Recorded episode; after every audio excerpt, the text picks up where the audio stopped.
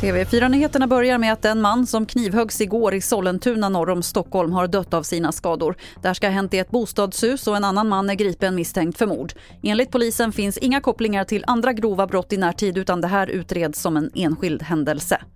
För en stund sedan presenterade regeringen höstbudgeten, en återhållsam budget för att inte sätta ny fart på inflationen. Så här sa finansminister Elisabeth Svantesson på en pressträff för en stund sedan.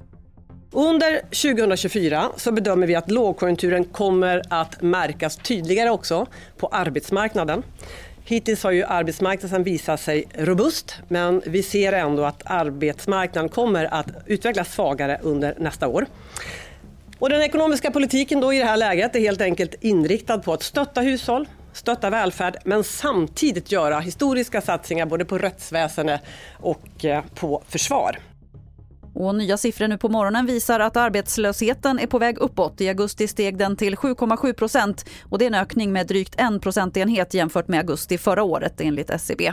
Räknat i personer var det en ökning med 72 000 upp till 444 000 arbetslösa i augusti. Fler nyheter finns på tv4.se. Jag heter Lotta Wall.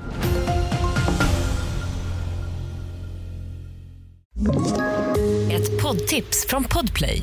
I fallen jag aldrig glömmer djupdyker Hasse Aro i arbetet bakom några av Sveriges mest uppseendeväckande brottsutredningar. Går vi in med hemlig telefonavlyssning och, och då upplever vi att vi får en total förändring av hans beteende. Vad är det som händer nu? Vem är det som läcker? Och så säger han att jag är kriminell, jag har varit kriminell i hela mitt liv men att mörda ett barn, där går min gräns. Nya säsongen av Fallen jag aldrig glömmer på Podplay.